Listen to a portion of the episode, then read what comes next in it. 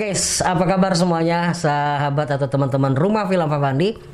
Kali ini kita ketemu lagi masih tetap di Prokasma program podcast kita semua.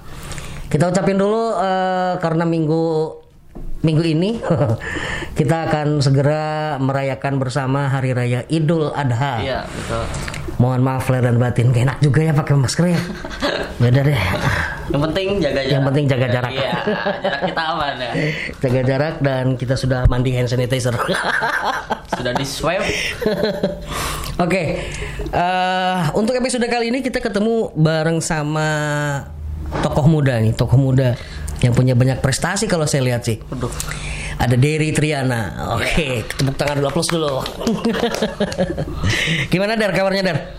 Alhamdulillah baik. Baik, oke. eh, mudah-mudahan kita semua masih tetap diberikan kesehatan ya, karena suasana sekarang ini, aduh, Parah banget. parah banget ya. Parah banget. Berdampak dibanding di awal, dibanding di tahun kemarin, kayaknya tahun sekarang lebih kerasa banget dampaknya iya, ya. pasti lebih terasa banget dampaknya lebih apa ya? Lebih ke menyeluruh lagi. Ah, ah, ah. Lebih menyeluruh. Terutama bagi mereka-mereka pekerja seni, Pasti, seni, pasti. ya beberapa panggungan yang sudah deal, tiba-tiba harus Dis reschedule reschedule, bukan reschedule lagi mungkin Udah batal. Batal. Ada ya deh sebagian batal. Ah, Oke, Eh, sebelum kita ngobrolin ke yang inti dulu nih, mungkin mungkin pengen tahu Derry ini siapa sih gitu. saya juga nggak tahu saya Cuma siapa ya. saya, saya saya sering melihat Instagramnya ya, Nah, iya. Eh, aktif di dunia hmm, apa namanya ya relawan volunteer kayak gitu ya di eh, apa namanya Badan Nasional Penanggulangan Bencana atau ya terus kemudian aktif juga di pendakian ya. Ya.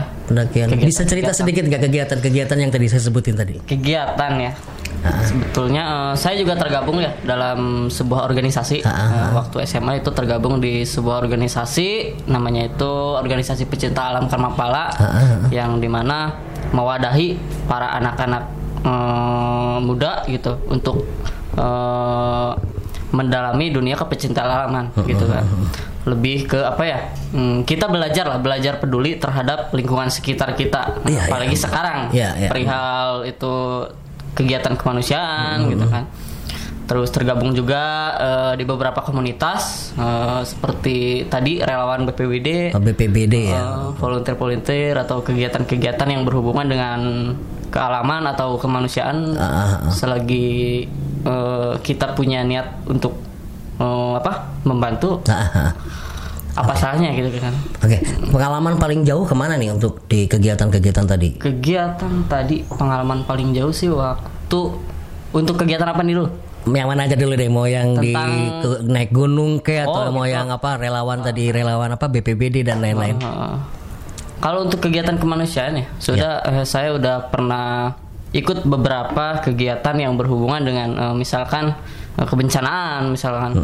Contohnya tahun 2016 waktu Garut itu terjadi sebuah bencana yang sangat wah sangat meledak itu kan sebuah eh, peristiwa mm, banjir, Banjir bandang bandang. yang menghabiskan beberapa eh, rumah gitu kan atau memakan korban banyak sekali lah. Saya juga ikut eh, ikut turun membantu Iya. eh, di lapangan gitu kan bersama teman-teman gitu kan. Terus untuk kegiatan di lingkungan Lingkungan ya. lingkungan seperti pendakian dan sebagainya paling paling jauh mana ya? Terakhir sih ke Gunung Lawu. Gunung Lawu ya, Gunung Lawu. Kalau Mahameru udah sering lah. Kalau Mahameru baru rencana ya. baru rencana. Oke. baru rencana baru. Jadi masih masih apa ya masih dalam impian bi- bisa camping di pinggir Kumbolo. Wah, impian yang sangat luar biasa. Eh, saya juga kemarin lihat di IG-nya ada hubungannya dengan Sea Soldier. Oh, si shoulder. Nah, boleh cerita sedikit nggak dengan Sea Soldier dengan siapa namanya? Eh, brand ambassador-nya tuh. Oh. Siapa ya? Lupa gitu. Eh, Nadine Chandrawinata. oh, si shoulder. Eh, oh, iya Sea benar. Soldier. Oh, Nadine Chandra. bukan Sea Soldier, bukan. Si shoulder. Soldier. Shoulder. Oke, gimana tuh? Cerita dengan Nadine gimana tuh? Ya, waktu kemarin itu kan eh, ada sebuah eh, apa ya event yang diadakan sama si Shoulder gitu kan. Eh, berupa membuat sebuah kreasi, kreasi, Kreasi, yaitu apalagi kita kan sekarang di musim pandemi nih. Jadi membuat sebuah kreativitas membuat masker dari eh, limbah yang eh, memang terlihat apa ya kesannya memanfaatkan limbah gitu kan Ya, memanfaatkan ya. limbah saya membuat sebuah masker dari apa itu botol plastik Botol plastik Heeh. ya. cuman itu sebagai wujud apa ya hmm, sosialisasi terhadap eh, sampah-sampah gitu. Pengolahan ya, pengolahan pengolahan sampah sampah, plastik ya. plastik yang harus kita eh, perhatikan gitu Heeh. Saya sempat ketemu sama Nadine. belum sih Oh belum ya, belum sempat ketemu. ya? cuma sempat lewat apa ya sebuah video Oh, meeting video gitu call. kan. Berarti kita lebih itu ya, Do ya. Kita udah sempat ketemu Nadine ya. Berarti gue kalah dong. Ya Do ya, malah bertatap muka langsung ya ya. Waduh. si Aldo pegang kamera. Wah. Kenapa nggak ngotek dok? ya memang si Solder itu eh, salah satu programnya adalah memerangi penggunaan Limbah plastik ya, mengurangi penggunaan plastik dalam Tentara laut kalau Ya, artinya mm. si shoulder. karena memang eh, laut adalah eh, tempat terakhir berlabuhnya para sampah-sampah Iya, itu dan justru itu ke- mengganggu ekosistem laut kayak gitu ya. Pasti. Jadi di sini juga lewat-lewat Prokasma ini kita juga coba untuk eh, mengkampanyekan untuk mengurangi penggunaan eh, plastik Sampah ya. plastik. Bukan penggunaan sampah plastik, penggunaan, Penggunaan plastik, plastik. ya. Seperti ini misalkan ini. Ini dari botol apa namanya? Eh, minuman mineral, bukan mineral, minuman bersoda ya. Oh. Minuman bersoda kemudian kita coba ubah untuk menjadi sebuah Lampu. kap lampu, Oh, ya, iya, kap lampu. keren, Jadi keren. Bagus. kita mengurangi sampah plastik, mengurangi sampah plastik juga mengurangi penggunaan plastik. Gitu. Sekiranya tidak mungkin untuk di kita menggunakan plastik ya kita coba untuk Dikreasikan. tidak menggunakan Tidak plastik menggunakan gitu. Oke, eh, tadi kita udah ngomongin latar belakang ya. Iya. betul betul. nah, kenapa sampai terjerumus ke fotografi gimana ceritanya nih? Fotografi. Awalnya sih tadi balik lagi kan. eh, saya sering eh, apa?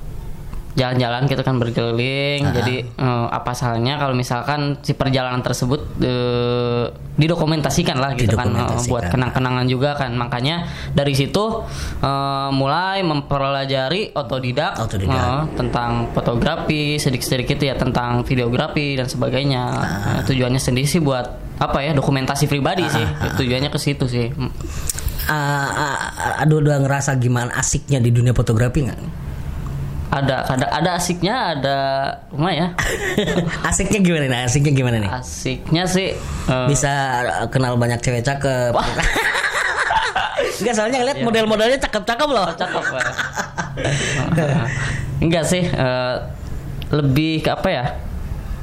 Tadi kan eh, lebih ke menikmati hasil. Jadi kalau misalkan kita pergi ke sebuah tempat yang bagus kan, kalau misalkan tahun udah lewat beberapa tahun kemudian, oh, wah kita pernah eh, ke sini nih. Jadi Nah, hasilnya itu buat mengenang gitu, ya. lebih Tapi ke mengenang. pernah menyengajakan diri untuk foto session gitu sama model. Foto session, oh sering sering ya, sering. sering. ya artinya kan niat banget ya, bukan hanya sekedar untuk dokumentasi doang. kan? Iya, kalau dunia modeling gitu kan. Intinya foto. niat ada ada ada apa concern tersendiri gitu terhadap eh, dunia modeling. Iya. Oke, ngelihat dunia modeling sekarang ini nih di Kuningan terutama Iya, ya. iya. Sepengetahuan dari eh, sampai sejauh mana nih untuk dunia modeling? Dunia modeling cukup dalam segi apanya dulu? eh kreativitas, kemudian kegiatan, kualitas dan lain-lain. Oh, dalam segi modeling sih cukup bagus gitu kan. Da- Ada sebuah beberapa eh, apa ya?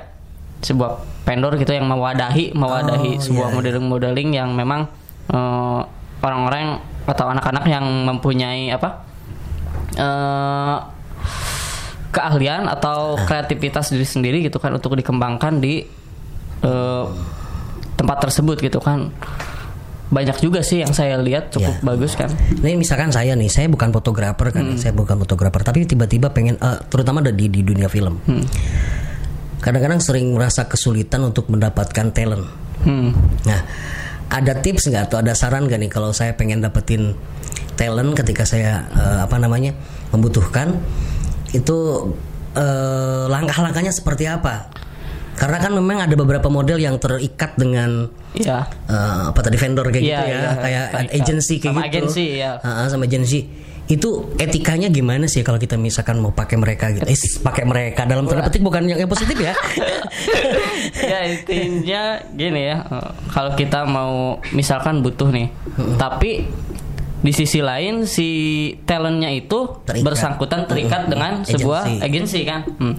Kita harusnya balikin lagi ke talentnya Ah. Eh, harusnya gitu kan tergantung talentnya kalau misalkan dianya mau sedangkan agensinya sendiri melarang gitu kan istilahnya eh, ada aturan seperti itu memang ya dari agensi itu. kayaknya sih ada, ada, ya artinya ada. lu masuk ke agensi gua lu nggak Iya. boleh dengan eh, yang ikut yang, lain, gitu kan ada ya aturan seperti itu, itu justru menutup apa ya kalau menurut dari sendiri diri. gimana dengan Menutup- ada aturan seperti itu Hmm. Bagi saya sendiri sih itu wah pandangannya kayak gimana ya? Jadi seolah-olah misalkan diri saya sendiri ya terjadi pada diri saya. Saya ingin berkembang di luar tetapi di sini dibatasi gitu. Jangan jangan ikut itu jadi hambatan sendiri. Kalau misalkan tapi pendapat saya sendiri kalau misalkan saya sendiri yang apa? Modelnya misalkan. Modelnya kan Mm, lebih ke semua kan kepercayaan tergantung saya sendiri. ah, ah, ah. Jadi lebih ke ah, udahlah kalau misalkan kita mau berkembang ya kenapa kita harus diam di tempat gitu kan? Kalau misalkan kita mau masuk lebih memahami dunia filman, dunia acting dan sebagainya, apa salahnya kita eh, coba kembangkan di luar gitu kan? Nah tipsnya buat saya nih tipsnya buat saya ketika saya butuh talent Mm-mm. apa yang harus saya lakukan untuk bisa mendapatkan talent itu Yang pertama dideketin dulu sih. Eh, pribadi, Dalam- personal pribadi, ya. Personal. Enaknya ngobrolnya kayak gimana dulu, diobrolin. deal-dealan harganya berapa gitu Iya, biasanya gitu. Eh. Kalau misalkan udah ter apa? Terikat sama satu agensi pasti Pasti dia udah punya harga ya? Iya.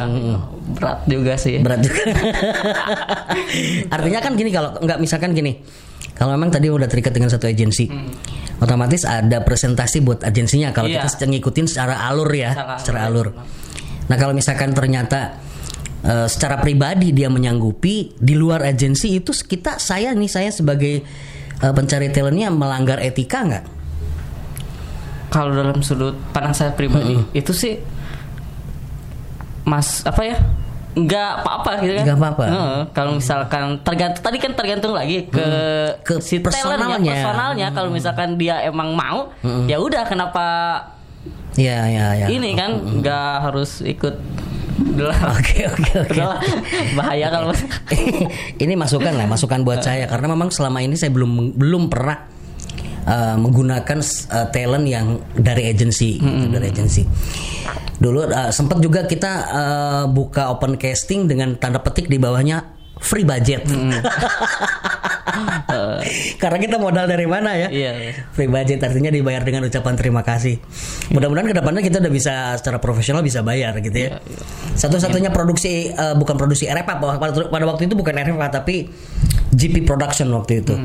GP Production bikin satu produk eh, film satu jam lebih dan itu dibayarnya per scene persin per scene. Jadi misalkan tokoh A eh, main 30 scene kali sekian ribu Iya. gitu loh. Itu atau udah apa ya? Udah berapa lama? 10 tahun yang lalu. 11 tahun yang lalu. Iya. Dan sampai sekarang belum mendapat lagi produser yang bisa bayar talent. apalagi di masa sekarang ya Apalagi di masa sekarang susah itu susah buat banget. masalah produksi ah. Oke, kembali lagi ke eh, profesi Derry dari fotografi. iya Kemudian kemarin eh, saya juga mah- saya ini orang yang apa namanya ya kalau lihat stalking apa ya lihat lihat IG orang ya. nong nong nong nong IG batur itu kamu juga ngediriin satu em, project baru ya project, Project baru, baru, dengan visi nema kita Iya betul. ya. yang mengusung konsep prewedding filmmaker Nah, Prewedding itu gimana bisa filmmaker. diceritain Nah, tuh oh, sedikit cerita ya. Jadi awalnya itu kan eh, pada suatu malam ya.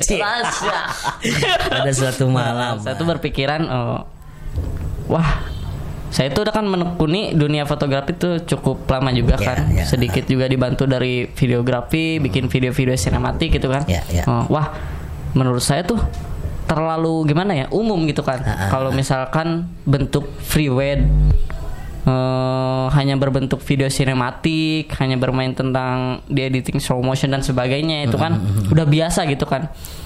Nah, jadi saya pengen mm, beberapa minggu, bulan lah dua bulan ke belakang itu. Ngajak ngobrol eh, satu rekan gitu kan, saudara, alhamdulillah eh, udah ngobrol pengen eh, buat sebuah Karya. vendor, Oh, mm, vendor yang berbentuk video prewedding namun dalam bentuk film, gitu, Film. short movie gitu kan.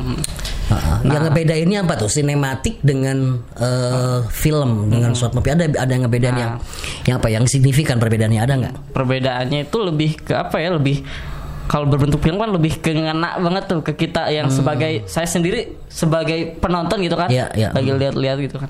Wah ternyata keren juga kalau misalkan dibikin jadi ada, ada alur ceritanya kan. Oh ada alur ceritanya ya? pokoknya keren banget itu terus Ah. saya ngobrol sama saudara saya kebetulan dia juga ikut eh, dalam sebuah Komunitas. komunitas kan. Wah ternyata udah ngobrol terus akhirnya saya dapat kesempatan buat ketemu dengan beliau, Beliau. gitu. Oh, akhirnya bertemu di suatu malam juga itu kan. Ceritanya dari malam ke malam. Dari malam ke malam. Karena mimpi itu kan kebanyakan malam. Nah dipertemukan dengan seseorang yang sangat hebat. Hah? Seseorang yang bagi saya sendiri seseorang yang hebat multi talent dia bisa apa aja pokoknya. Kalau masalah dalam dunia perfilman mungkin wah udah masternya ini. Hmm, Oh, ya ya pengen tahu siapa dia? Tahu siapa? Waduh. Hai ya. oke dari situ gimana tuh? Setelah itu? Dari situ kita di malam itu ngobrol, Ah. hmm, ngobrol terus masalah konsep pengen vendor ini di seperti ini kan, seperti ini kan, terus eh, akhirnya terpikirnya kan sebu di ah, beberapa jam kemudian terpikirkan sebuah nama eh, yaitu Visinema kita. visi nema kita filosofinya apa tuh Visinema kita hmm, lebih ke apa ya? Pi sinema, visual sinema kita. Alah, visual sinema kita oke oke oke keren banget. Yang motonya sendiri Pi sinema kita, visi kita, misi bersama. visi itu kan. kita misi bersama oke Eh, tujuan kita Tujuan apa kita- adalah tujuan kita bersama gitu bersama gitu kan. Oh. Oke, ya tadi pertanyaan tadi belum terjawab nih. Apa sih yang membedakan antara cinematic uh, wedding dengan s- filmmaker uh, film apa short movie wedding? Mm-mm. Kalau cinematic wedding itu kan bisa lebih ke instan ya. Jadi Ah. kita nggak harus mikir dulu sebelum kita ngambil atau ngesut di sebuah lokasi gitu kan. Jadi ya udah kalau misalkan kita udah mau bikin tergantung konsep di lapangan gitu kan. Jadi ya tinggal ngetek ngetek gitu kan.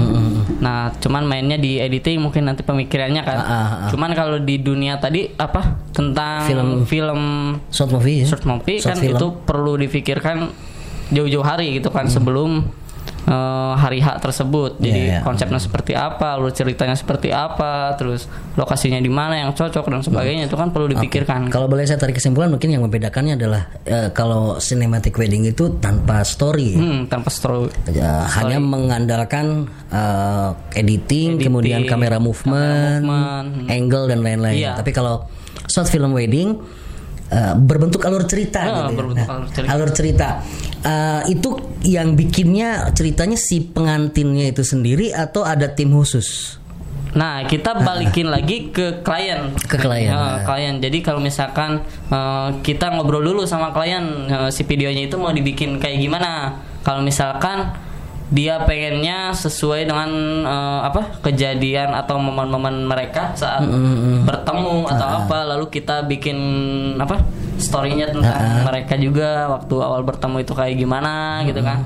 Itu bisa ataupun pihak kliennya sendiri eh, menyerahkan Menyerahkan sepenuhnya, sepenuhnya. ke kita gitu kan. Pengen videonya ya udah. Yang penting bagus tapi eh, misalkan ada apa ya sebuah misalkan di endingnya itu pengen ada sebuah ungkapan atau apa kan itu ah, ah. jadi buat kita sendiri PR juga gitu kan Oke, PR buat oke. kita sendiri gitu Ini menarik loh, menarik kayaknya menurut saya terobosan baru mungkin ya Hmm, terobosan terobosan baru. Untuk di Kuningan sendiri ada nggak yang mengusung konsep seperti ini? sejauh ini makanya saya sendiri pengen buat kayak gitu tuh kayaknya belum ada Belum ada Ah, ya, makanya Tapi kalau di kota-kota lain sudah ada beberapa ada kota-kota lain. Ya menarik karena apa? Karena ya itu tadi eh, perbedaannya kalau wedding sinematik kan hanya sekedar Iya. ini mengusung cerita dari eh, tadi bisa dikatakan dari si pengantinnya, Pengantinnya. atau pengantinnya ah pusing bikin cerita sendiri bikin- diserahin ke, Diserahin ke ke kita. Visinema Oh. gitu ya. Eh, ini menurut saya sesuatu yang eh, out of the box gitu. Anti mainstream. terobosan terobosan ya, sesuatu yang itu. Dan ini sejauh ini pengalaman pengalaman ketika menggarap tentang wedding film ini em, ngedapetin kesulitan nggak? kesulitan pasti. Apa tuh yang di di di, di, di, kesulitannya sih lapangan?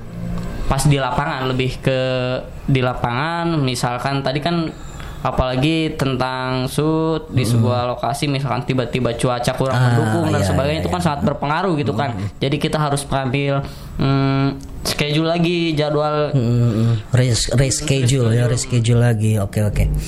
Em, asik mana nih ketika ngegarap wedding sinematik atau wedding film ya lebih ke wedding film lah. Eh, Ke- kenapa? Kenapa? Karena kan ada tim jadi Oh, saat iya, iya, pengambilan juga kita kan enak tuh ada Betul. partner yang nemenin terus kerjasama gitu kan enak. Ya, oke banget. teman-teman ini saya kasih tahu juga apa perbedaannya videografer dengan sinematografer gitu. Ketika seorang videografer dia bisa kerja sendiri, apa-apa bisa Iya, kerja sendiri gitu. Tapi ketika kita sudah masuk ke sinematografi, semuanya harus dikerjakan oleh tim. Iya betul. Gitu ya. Iya. Itu yang paling membedakannya. Oke, eh, buat teman-teman nih, buat teman-teman yang mungkin meskipun suasana pandemi gini nggak menutup kemungkinan karena sudah mungkin sudah dijadwalkan mau married, mau tunangan, Prewed. prewed dan lain-lain. Kita uh, Visinema ini Visinema punya konsep yang bagus banget kalau menurut saya. Dan uh, minatnya gimana nih untuk di Kuningan? Ma- Masuk nggak pasarnya? Pasarnya tergantung apa ya kita juga menyesuaikan eh, kapasitas yang apa si calonnya juga kan Ah, kita ah, kalau misalkan apalagi tingkat perekonomian di kuningan juga agak sedikit inilah jadi kita menyesuaikan juga dengan klien gitu masalah oke. harga dan sebagainya gitu Ini pengalaman saya bikin film 15 menit itu dihitung-hitung, dihitung-hitung kalau dari saya sendiri ketika bikin film itu minimal minimal 3 juta harus keluar. Iya. Kenapa budgetnya sampai segitu nggak? Untuk bikin wedding sinematik. Oh. harusnya sih Harusnya segitu. cuman karena faktor sesuatu eh, faktor Wah udah banyak banget nih, Iya, khususnya iya. di kuningan masalah fotografer dan videografer gitu kan. Jadi kita saling beradu apa ya?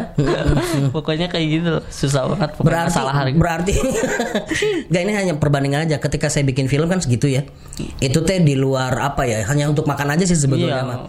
ada nggak eh, kiat khusus untuk menekan budget? Supaya tidak sampai nge ngebeleduk Lebar. seperti, seperti Oh. itu ngebeleduk kiat-kiat khususnya apa nih? Heeh.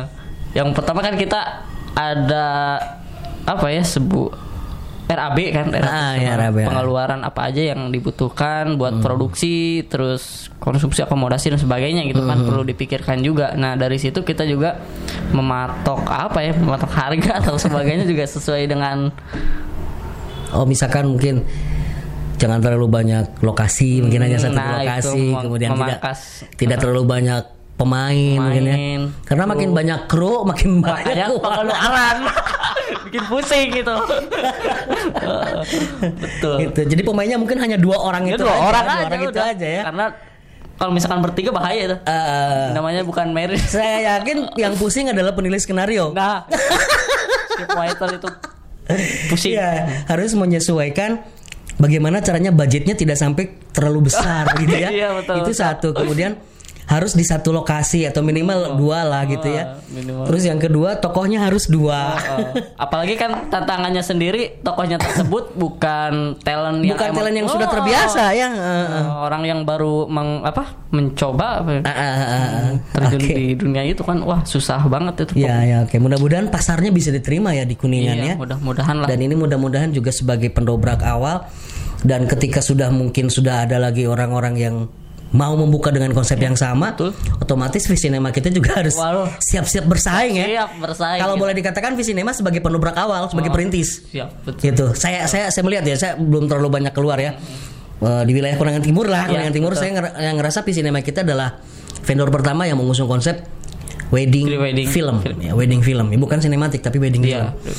Mudah-mudahan ber- bertahan, kemudian amin. bertahan siap bersaing dengan Amin. yang lain ya. siap harus siap lah kita Tadi- yang mendobrak jadi harus siap Oke. lah Tadi selanjutnya saya lanjutin yang tadi buat teman-teman siapa pun itu yang punya saudara, punya teman, punya keluarga, eh, kalaupun tertarik dengan konsep ini, ah, eh, saya weddingnya mau dibikinin film dong. Gitu. Waduh. Nah kontak aja Visinema kita nanti saya cantumin nomor HP-nya di di deskripsi saya cantumin nomor nomor HP-nya. Silakan bisa langsung eh, hubungi Diri Triana Waduh, siap gitu. Ah, bikin ini dong sesuatu untuk apa ya? eh, semacam promosi lah kayak gitu. promosi oke Ah. Eh, buat eh, kalian yang pengen punya eh, dokumentasi apalagi kan eh, sebuah pernikahan itu sekali dalam Ya, kehidupan ya. wah itu perlu banget sebuah dokumentasi yang bagus kan Hmm. otomatis Eh, nah buat kalian yang pengen pre-weddingnya dibikin eh, film eh, bisa eh, hubungi langsung atau ke Instagram Ya Instagramnya. hmm. visi nema kita pakai V ya, Ya. visi nema kita nah, nanti kalian bisa DM atau bisa hubungi nomor yang Ya, ada di nanti di deskripsi. hmm. siap Oke, makasih Der ini atas kehadirannya. Dan ini apa saya saya saya sebagai orang yang berkecimpung berkecimpung di dunia film ngerasa wah ini sesuatu terobosan baru gitu. Artinya film bisa dijadikan sesuatu ketika pasar yang yang misalkan eh, ke layar lebar walau alam bisawab gitu ya. ke ke festival juga ya kalau jurinya sesuai dengan selera kita yang menang, kalau nggak sesuai yang kita nggak menang gitu ya. Artinya ada ada apa ya? Ada distribusi lain nih dari sebuah film gitu. Iya, betul. Ketika kita membuat sebuah film, ternyata bisa menghasilkan sesuatu buat kita gitu. Iya, betul, Ini satu apa ya? Satu kebanggaan tersendiri buat buat saya sendiri gitu. Ternyata film yang idealis, Iya. film yang yang proses pembuatannya jelimet gitu, yang melibatkan banyak tim, banyak orang, ternyata bisa juga digunakan untuk mencari sesuap berlian. oh iya. Terutama di luar di lingkungan kita gitu ya. Oke, mudah-mudahan Visinema sukses terus. amin. Kemudian juga yaitu tadi mempertahankan kualitas, kemudian juga siap untuk berkompetisi. Oke, itu aja barangkali teman-teman Rumah Film Fandi sekali lagi makasih banget untuk yang sudah subscribe di eh, kita. Jangan lupa di subscribe dan tombol like-nya juga di ya perlu banget apa namanya dipijit ya. Sekali aja jangan dua kali. Kalau dua kali udah nantinya nggak jadi. Iya. sekali aja buat teman-teman saya juga wah Ah iya, teman-temannya dari nanti harus viewer- berkunjung nih berkunjung ke Hmm, channel YouTube kita ya. Karena dengan kamu nonton, dengan kamu ngasih like dan men-subscribe, artinya kamu udah nyumbang satu buah batu bata untuk pembangunan eh, ruang screening di rumah film Avandi. Mudah-mudahan akhir tahun ini bisa terrealisasi buat teman-teman yang punya karya-karya nanti kita bisa tonton bareng-bareng di sini dan mudah-mudahan pandeminya juga cepat berlalu amin amin supaya kita bisa kumpul-kumpul bisa diskusi tentang ap, gimana sih eh, film itu gitu. Oke, thanks buat semuanya yang udah nonton. Kita ketemu lagi minggu depan di program podcast kita semua Prokasma. Salam sinema.